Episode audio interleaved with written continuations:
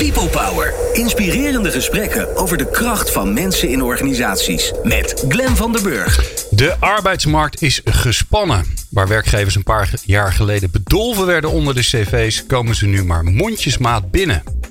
Hoe laat je zien dat je een aantrekkelijke werkgever bent? En welke rol speelt je eigen merk daar eigenlijk in? En wanneer ben je eigenlijk een aantrekkelijke werkgever?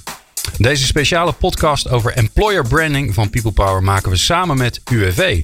En natuurlijk is UWV actief om mensen weer aan het werk te helpen, maar ze zijn er ook voor werkgevers om hen te helpen met hun medewerkers bij bijvoorbeeld de participatiewet, ziekte en ontslag. En vandaag dus met inspiratie en kennis over employer branding. Welkom bij People Power. People Power met Glen van den Burg. Te gast zijn Tom van Laarhoven, hoofdcommunicatie van UWV en Yves Pilet, uh, arbeidsmarktadviseur bij UWV. Heren, welkom. Dankjewel. Dank je. Fijn dat jullie er zijn bij deze speciale aflevering. Dat is altijd mooi, hè? dat klinkt altijd gelijk goed. Uh, Tom, uh, bij jou beginnen bij, bij branding. En we vandaag over employer branding. Maar bij branding denkt iedereen gelijk aan grote merken. Apple, Coca-Cola, Nike. Wat is eigenlijk het belang van een merk voor een bedrijf? Nou, je kunt het eigenlijk op twee manieren bekijken. Je, je kunt het vanuit de consument zien. En dan is het merk eigenlijk heel erg wat uh, alle associaties die mensen in hun hoofd hebben rondom een organisatie of rondom een product of een dienstverlener. Je kunt het ook vanuit een organisatie zelf bekijken. En dan is het veel meer de belofte die je aan de markt doet. Oké. Okay. En wat daarvan bij belang is, dat die twee dingen natuurlijk met elkaar overeenkomen. Je kunt niet iets beloven wat je niet waarmaakt in de praktijk. Maar je moet wel iets beloven wat uh, relevant is voor mensen, waarmee je kunt onderscheiden, zodat ze weten waarom ze bij jou moeten zijn. Is dat nou de afgelopen jaren veranderd? Want ik kan me voorstellen dat het vroeger makkelijker was om te zeggen dat je fantastisch was, terwijl je eigenlijk niet zo fantastisch was. Uh, dat is zeker veranderd. Uh, eigenlijk is alles veel transparanter, meer open. Uh, communicatie gaat veel sneller. Mensen weten elkaar veel beter te bereiken. Mm -hmm. Dat dwingt je eigenlijk nog meer dan het al was. om open en transparant te zijn en niet overpromissen. Wat sommige organisaties veel gedaan hebben en nog steeds wel doen. Ja, en dan ben je aan de beurt tegenwoordig. Dan ben je aan de beurt, dat komt altijd uit. Dus ja. openheid en transparantie, dat uh, is nodig. Voordat jij bij uh, UWV bent gaan werken als hoofdcommunicatie, werkte je bij de Rabobank. Ik heb mijn research gedaan. Ik, het is altijd mooi van LinkedIn en je kan van iedereen zien waar ze vandaan komen. Alles is zo. Hoe, hoe zet zo'n bank nou zijn merk neer?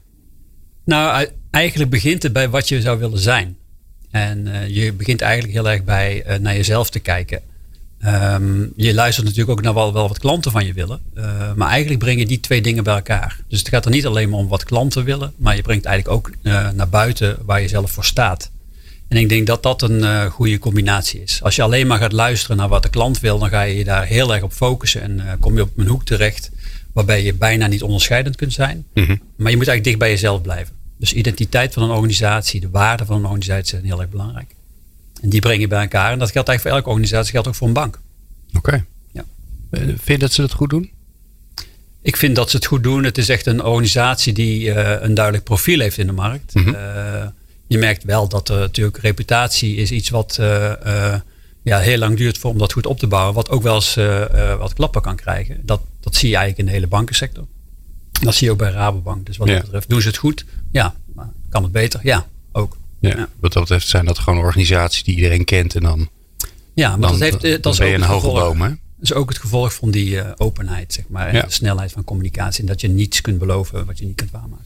Hey, en wat is nou het belang van, van medewerkers voor zo'n voor zo'n merk? Hè, bijvoorbeeld voor Rabobank, maar ook voor, eh, voor jullie als UWV. Nou, dat is waarom we ook heel veel eh, aandacht besteden aan duidelijk maken aan de medewerkers waar een organisatie voor staat. Je kunt, eh, je moet het gedrag van medewerkers of de producten die je maakt, de keuzes die je als organisatie maakt, moet je eigenlijk helemaal in lijn brengen met dat wat je belooft in de markt. Als je dat niet doet, ontstaat er een soort gap waardoor eh, je niet levert wat je, wat je belooft. Dus als je medewerkers meeneemt in wat de, waar je als organisatie voor gaat, voor staat, waarom je de dingen doet eh, zoals je ze doet, eh, zul je zien dat zij keuzes gaan maken die daarmee in lijn liggen. Binnen hun eigen verantwoordelijkheid. En daar eigenlijk moet dus iedereen goed weten nou, vanuit welk waardesysteem je dat doet. Wat de koers is van een organisatie. Dat je weet welke keuzes ieder individu moet maken binnen zijn eigen verantwoordelijkheid. Ja. En die medewerkers die, die, die lossen eigenlijk die belofte in. Ja, door hun gedrag. Ja. Dus je kunt het met communicatie van alles eh, doen.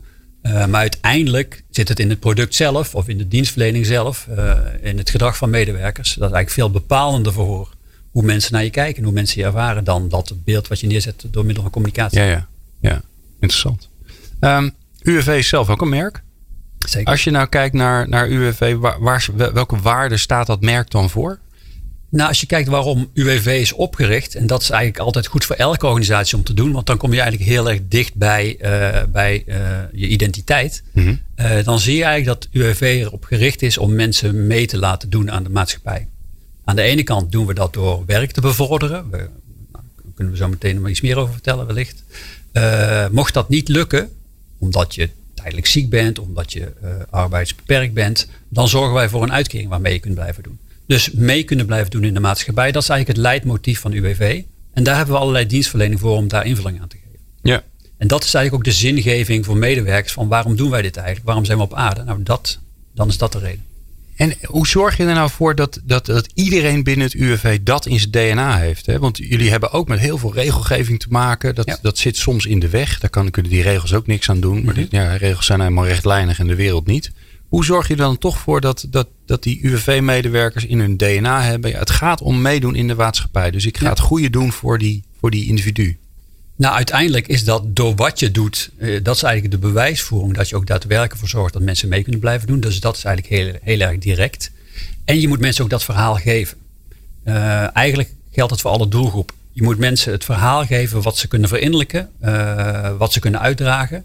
En daar moet ook zeg maar de logica in zitten. En daar moet ook de authenticiteit zeg maar, in zitten. Ja. Dus als je heel dicht blijft bij waarom je bent ontstaan, dan kun je dat ook geloofwaardig communiceren en gaan mensen ook daarna handelen. En hoe zorg je dat, dat, dat de UWV-medewerkers dat weten, dat voelen, dat kunnen uitdragen?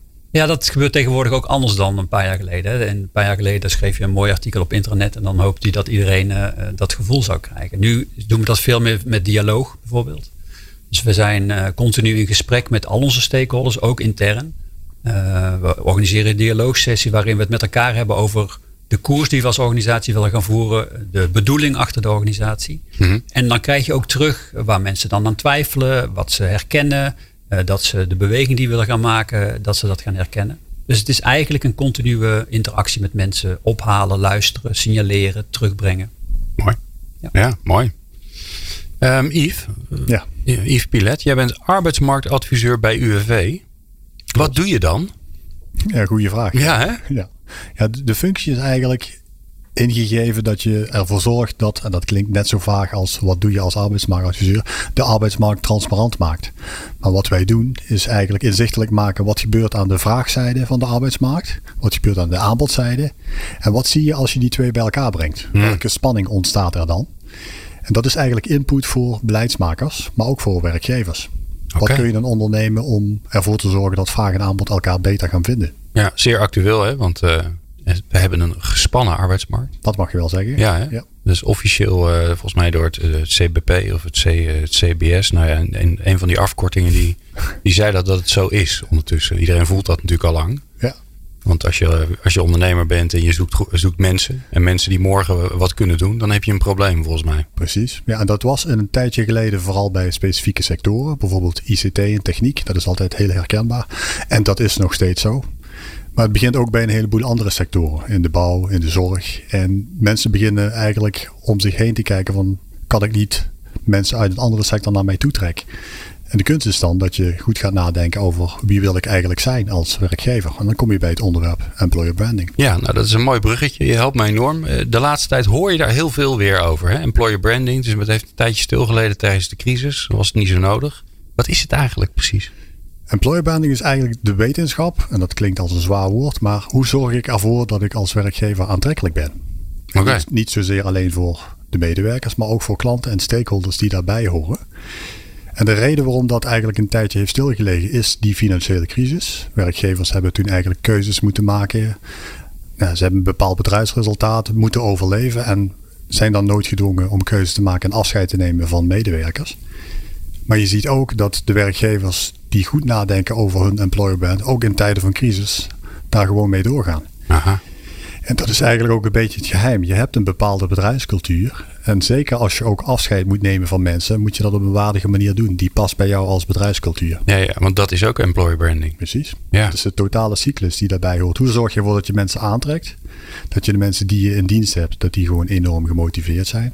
En als je dan noodgedwongen afscheid moet nemen, dat je dat ook op een nette manier doet. En waarom is het nou juist nu weer zo belangrijk in zwang?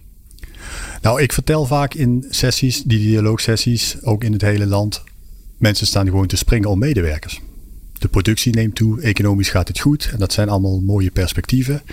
En daar heb je gewoon mensen voor nodig. Technisch gezien kun je dat tot een bepaalde hoogte realiseren. Maar je moet die systemen ook bedienen met behulp van medewerkers die snappen wat ze moeten doen. Ja, en iedereen wil diezelfde mensen gaan aantrekken. Dus degene die het meest opvalt als werkgever, die het beste in staat is om te laten zien waar hij voor staat, die zorgt ervoor dat de juiste mensen ook bij hem aan de slag gaan. Ja, dat zeg je iets grappigs, hè? de juiste mensen. Dat hoor je heel vaak. We zijn op zoek naar de juiste mensen. Mhm. Als je dan vraagt van ja, wie zijn dat dan? Dan wordt het al ingewikkelder. Maar, Precies. maar helpt, helpt employer branding nou ook om te zorgen dat je inderdaad mensen aantrekt die, uh, die bij jou passen? Ja, daar ben ik wel van overtuigd. Want wat ik vaak zie, op het moment dat je uitlegt wat kun je met employer branding, wat komt erbij kijken, dan zijn veel werkgevers er nog steeds van overtuigd dat je vooral moet inzetten op arbeidsmarktcommunicatie. Hè? Het plaatsen van die vacature. Ja. Dan doe je een omschrijving van je functie. En dat zou dan het aantrekken van de juiste mensen zijn. Wat ik zeg is dat je eigenlijk eerst moet aangeven waar jij als werkgever voor staat. Wat jij wil uitstralen. Wat jouw bedrijfscultuur is. Mhm. En daar horen ook een bepaald type mensen bij. Ja. Jouw personal brand als medewerker moet passen bij jouw employer brand als organisatie. Als jij een hele dynamische organisatie bent en heel ambitieus, dan moet je niet iemand hebben die eigenlijk het wel goed vindt en kijkt naar, nou, hoe het de laatste twintig jaar is gegaan, vind ik allemaal wel prima. Dan wil je ook iemand die dynamisch is, die mee kan werken. En als je dat kan uitstralen, als je dat echt bent, dan ga je dat soort mensen ook aantrekken. Ja. En Tom, eh, waar ik nou wel benieuwd naar ben, hè? want uh, employer branding, company branding, ja, uiteindelijk is het allemaal branding. Mhm. Het is ook, het is toch ook vooral aan de buitenwereld vertellen wie je bent of wie je zou willen zijn. Zeker. Hoe, hoe, hoe, hoe is het dan met, met employer branding en, en kijken naar de binnenkant? Hè? Dat, want als je, nou ja, je ziet nu weer de abris uh, volstaan met allemaal leuke jonge mensen en kom vooral bij ons werken. Mm um, die willen ze dus blijkbaar graag hebben, die jonge mensen, anders zet je ze er niet op. Hoe congruent moet dat dan zijn met elkaar, met, met hoe het echt is? Nou, geheel. En dat geldt eigenlijk voor alles. Dat is wel eng ook, ja. toch? Ja, maar daarom is het wel van belang om zelf goed te weten waar je voor gaat en voor staat. En vanuit welk waardesysteem je dat doet. En dat ook uitstralen, zeg maar, ook in de producten en de dienstverlening die je doet. Uh, zodat, of het nou klanten zijn of dat het nou uh, nieuwe werknemers zijn, dat ze weten wat ze kunnen verwachten. En dat is eigenlijk het geheel wat je rondom merken doet. Je, je bent bezig met verwachtingmanagement management. Aan de ene kant ben je bezig om mensen je product of je dienstverlening te verkopen. Aan de andere kant ben je bezig om mensen aan te trekken. Maar dat gebeurt wel vanuit dezelfde gedachte. Ja. Als wij zelf een aantrekkelijke werkgever willen zijn, vinden wij het wel belangrijk dat mensen weten wat ze bij ons kunnen verwachten. En waarom wij op aarde zijn. Dus mee willen blijven doen in de maatschappij is eigenlijk een extra aantrekkingskracht ook. Maar ook om voor jezelf te checken, past de waarde die ik zelf heb bij de waarde die die organisatie heeft. Ja. En als je nou, eh, eh, je mag ook een beetje kritisch zijn voor mij. Als je nou kijkt naar wat er gemiddeld gezien de wereld ingeslingerd wordt, dan is het allemaal fantastisch natuurlijk om daar te werken. Hè? Het is allemaal geweldig, al die organisaties. Ja. Het, is, eh, het, het glimt, het is opgepoetst en tot en wel, tot en met. Ja. Dus, dus het, is, het is, nou ja, laten we zeggen, het is in ieder geval een, een iets wat rooskleurige voorstelling van de werkelijkheid. Ja, maar Is dat dan slim of zeg je van nou, het mag wel wat nou, het mag wel wat rauwer, wat eerlijker. Nou, ik ben er zelf wel een beetje dubbel over. Aan de ene kant halen mensen er ook altijd vanzelfsprekend iets van af. Omdat ze zich realiseren dat het waarschijnlijk iets opgepoetst is. Dus ze krijgen dan toch wel een, realistisch beeld. Maar het is altijd beter om een realistisch beeld neer te zetten. Uh, bij voorbaat. Uh, zodat uh, dat niet tegenvalt. Dus als je over verwachtingmanagement hebt, geldt dat natuurlijk. Ja. Ja. Dus je moet altijd heel duidelijk zijn over wat mensen kunnen verwachten. Ja. Hier nou is, nou is ehm, ik, wil niet, ik, weet, niet precies hoeveel, maar het overgrote deel van alle banen zit in het MKB. Mhm.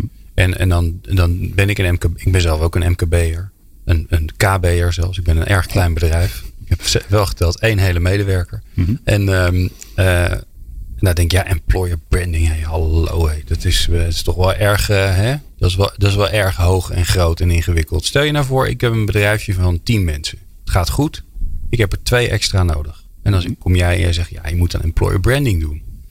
Wat moet ik dan doen? Waar moet ik beginnen? Die vraag die krijg ik vaak, ja. Want de associatie wordt vaak gemaakt met die grote bedrijven. Je vertelde bij de introductie, nou is dat dan Starbucks, Apple en Coca-Cola. Mhm. Dat zijn natuurlijk mooie voorbeelden.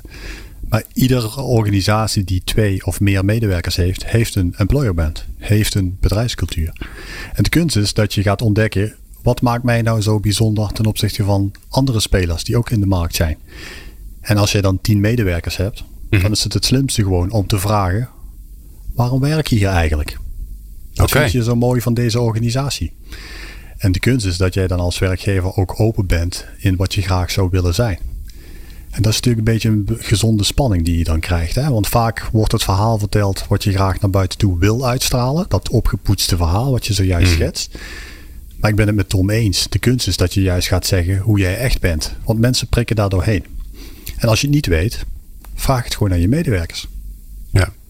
En zijn die dan misschien ook wel je beste uithangbord? Ik denk dat dat een inkoppertje is. Dat is Ja? het zeker zo, ja. Ik, er zijn voorbeelden van bedrijven die eigenlijk bijna niks aan employer branding doen. Ook zeker niet aan het stuk van arbeidsmarktcommunicatie. Want die medewerkers, die zijn, dat noemen we vaak merkambassadeurs. Die vertellen het verhaal van de organisatie zelf. Kijk, we willen graag dat ze een bepaald beeld naar buiten toe brengen hoe het is om bij jou aan de slag te zijn. En dat dat beeld zo realistisch mogelijk is. En als jij als werkgever daar open over bent, dat je dat verhaal overlaat aan die medewerkers, dan gaan andere mensen dat ook geloven. Het is hetzelfde met een product en een dienst. Je gaat iets anders kopen omdat een vriend van jou zegt dat is een mooi product. En niet zozeer omdat je dat in een reclame hebt gezien. Ja. Nou wil ik natuurlijk als werkgever ook aansluiten bij wat, hè, wat mensen nu op de arbeidsmarkt willen, hè, waar ze naar zoeken. Dus ik wil natuurlijk een eerlijk verhaal vertellen. Maar ja, ik kan sommige dingen natuurlijk wat meer uitlichten dan andere. Dus eh, help mij eens even, werkzoekenden, wat vinden ze nou belangrijk? Waar zijn ze naar op zoek? Wat, Dus deels Hoe maken ze een van, van wat bedoel je met de werkzoekende. Want daarin heb je meteen onderscheid van verschillende generaties. Hè? Aha. Dus als je kijkt wat, naar wat oudere generaties, die willen vooral standvastigheid. Die willen weten waar ze aan toe zijn. Die hebben, zijn in een andere fase van hun leven.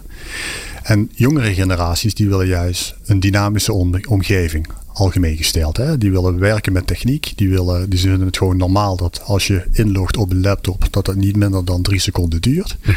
Die willen gewoon een fatsoenlijke mobiele telefoon. Die moeten kunnen thuiswerken. De afstand tot het werk maakt eigenlijk niet zoveel uit. Zeker als je hoger opgeleid bent. En dat soort dingen moet je, daar moet je mee kunnen spelen. En dat je dat als werkgever nu meteen, meteen nog niet kan, dat is nog niet zo heel erg. Maar leid in ieder geval de mensen op die bij jou aan de slag zijn om daarmee te kunnen gaan werken. ja, maar ik hoor je dus ook zeggen, eh, ja, maak daar dan ook een keuze in wie je wil hebben. Want het zijn, hè, als, je, als je op zoek bent naar de werkzoekende, dan bestaat die eigenlijk helemaal niet. Nee, dat klopt. Ja, bij branding gaat het eigenlijk Het is alleen wel gevaarlijk, hè? Want je mag geen leeftijdsdiscriminatie doen. Nee, Dus dat doen wij ook niet, natuurlijk. Hè? Totaal niet. Nee, maar het zit hem ook niet zozeer in keuzes in leeftijd. Het zit hem meer in keuzes van bepaalde vaardigheden die iemand Ja, moet ja. hebben. Ja, Eh, persoonstype eigenlijk. Precies. En employer branding en branding in het algemeen gaat eigenlijk alleen maar om het maken van keuzes. Hoe kun je ervoor zorgen dat jij anders bent dan anderen? En dan moet je zeggen of we gaan linksom of we gaan rechtsom. De associatie die iemand dan gaat opbouwen met wat is dit voor een soort bedrijf of wat is dit voor een type product. Dat gaat dan bepalen of hij ook voor jou kiest of niet. Hm. En als jij geen keuze maakt, dan wordt nooit voor jou gekozen. Nee, nee, nee, nee. Oh, dat is ook een mooie. Dus je moet, je moet kiezen om je te onderscheiden. En dus om ook dingen. Hè, dus ook om mensen, maar ook om, nou ja, bepaald soort werknemers links te laten Ja. zeggen. Weet Kijk, je, bij dat- employer branding gaat het echt om positionering. En Ja. positionering is echt durven te kiezen. En als jij niet durft te kiezen, dan wordt, het, wordt er eigenlijk voor jou gekozen. Je wordt namelijk links, ge- links gelaten. Ja. Je moet weten waar je voor staat. En dat moet je ook continu blijven meten en proberen te verbeteren. Dus hoe beter je in staat bent om te durven te kiezen, en dat, dat brengt natuurlijk ook risico's met zich mee. Maar Ja. je, je kiest wel ergens voor. Tom, heb jij nou een voorbeeld waarvan je zegt van nou, die, doen- die doen het hartstikke goed?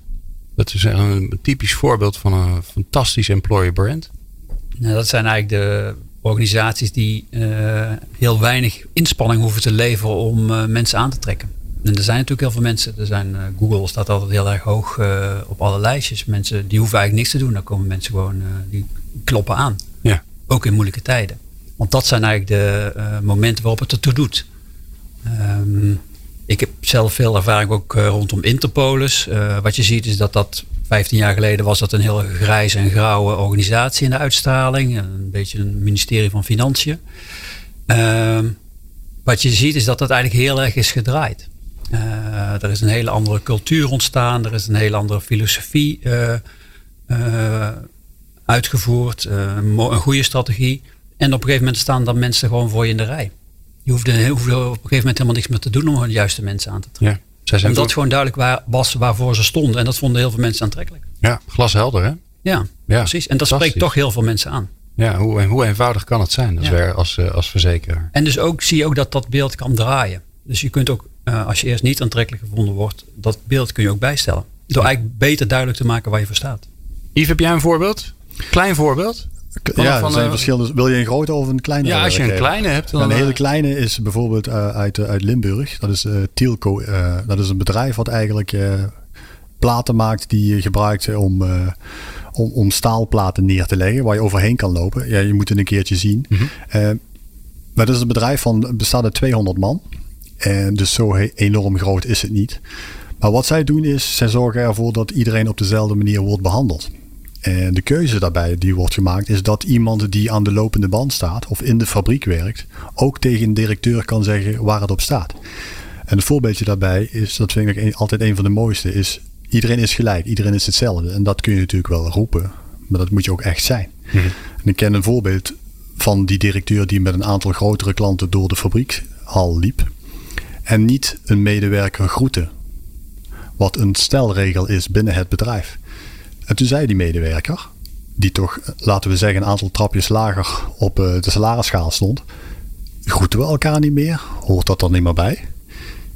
En als je dan als directeur zegt, ja, ik ben nu hier bezig of waar bemoei je, dat deed hij niet. Hij zei, nee, je hebt helemaal gelijk. Ik moet nu hier in het bijzijn van deze klanten mijn excuses aanbieden. Dat gaan we ook niet meer doen. Dan ben je voor mij geloofwaardig. En dat zijn verhalen die gewoon echt blijven hangen. Ja, en dat soort verhalen gaan naar buiten en die zorgen ervoor dat mensen zeggen, want wij hebben het er nu ook weer over, dat mensen zeggen, daar moet ik gaan werken. Dat is leuk zeg. Ja. Hey, nu even, uh, mensen zijn aan het luisteren, die denken, ja, ik moet er wat aan gaan doen, want ik heb mensen nodig en ik, heb, ik doe er eigenlijk niks aan. Hoe kunnen jullie daar nou bij helpen?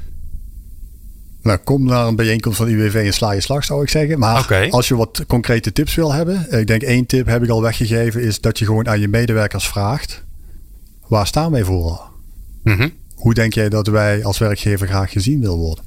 Want een van de oefeningen die ik bijvoorbeeld in zo'n bijeenkomst doe, is dat ik eerst vraag: Oké, beste werkgever, schrijf nu eens in drie termen op hoe jij jezelf wil omschrijven. Dat kan bijvoorbeeld dynamisch en open zijn, omdat je dat graag wil en omdat dat goed en aantrekkelijk werkt. Mhm. En dan vraag ik ook: En hoe zien jouw medewerkers jou? En dat vinden ze dan wat moeilijker om in te vullen. Vaak weten ze dat helemaal niet. En dan zeg ik, nou, dat moet je juist gaan vragen. En 99 van de 100 keer zie je dat daar een verschil tussen zit. En daar hebben we het eigenlijk al de hele tijd over. De kunst is dat je daar dezelfde antwoorden in krijgt. En als jij als werkgever bereid bent om water bij de wijn te doen, om te zeggen, nou, dit zijn de medewerkers waar ik naar op zoek ben, dit is wat ik als organisatie wil zijn. En jij, beste medewerker, de input die jij me geeft, die ga ik daarbij gebruiken. Dan kom je stappen verder. Alright. Dus het zit hem in die openheid. Ja. Op alle vlakken. Mooi. Tom? Nou, je moet volgens mij niet alleen maar vertellen wat je doet. Uh, wat voor functie je zoekt. Dat is eigenlijk heel instrumenteel, heel functioneel. Het gaat er ook om dat je duidelijk maakt wat de cultuur is, wat je belangrijk vindt aan competenties die mensen hebben. Uh, en duidelijk maakt waarom je de dingen doet. En ik denk dat vele organisaties op dat onderste niveau blijven zitten en eigenlijk alleen maar vertellen wat ze van je verwachten in een functie. Terwijl als het gaat om aantrekkelijk uh, worden, gaat het toch vooral ook om te laten zien hoe je de dingen doet, waar, je dat, waar dat onderscheid dan bijvoorbeeld in zit. Maar ook vooral, er zit ook een stukje zingeving in, waarom doen we de dingen? Ja. En die combinatie, die moet je goed uh, weten te krijgen. Mooi. Hartstikke mooi. Um, Yves, laatste, uh, want jij zei het een beetje tussen neus en lippen door, maar laatste ding voor de luisteraar. Mm -hmm. Ja, kom naar een van de bijeenkomsten. Waar kunnen ze daar informatie over vinden als ze dat willen? Als ze jou willen zien uh, optreden? Of, of, je collega's natuurlijk. Ja, ik doe dat vaak in combinaties hoor. Maar ik, ik ben wel uh, vaker bereid om door het hele land rond te reizen. Dat hoort ook bij mijn functie. En mijn oh. functies in die zijn ook wel breder. Uh, vaak in combinatie met werkgeversservicepunten worden dan werkgevers uitgenodigd. Dat kun, kan zijn tussen de 10, 50 of 100 werkgevers. En daarin vertel ik eigenlijk heel concreet wat is nu employer okay. branding? Wat kun je daarmee? Oké, dus als, als, ze jou, als ze jou willen hebben, dan gaan ze naar het werkgeverservicepunt en ze willen eigenlijk wel wat meer weten over employer branding. En dan regelt, regelt het werkgeversservicepunt dat jij uh, kom ik met je collega's komt om er een mooie show van te maken. Precies. Alright. Heren, mag ik jullie bijzonder bedanken, allebei, voor uh, jullie wijsheid in, uh, in deze podcast. jullie hebben geluisterd naar Tom van Laarhoven, hoofdcommunicatie van UWV en Yves Pilet, arbeidsmarktadviseur bij UWV. En als je meer wil weten, kun je dat natuurlijk vinden op onze website. Meepraten of meer programma's? people-power.nl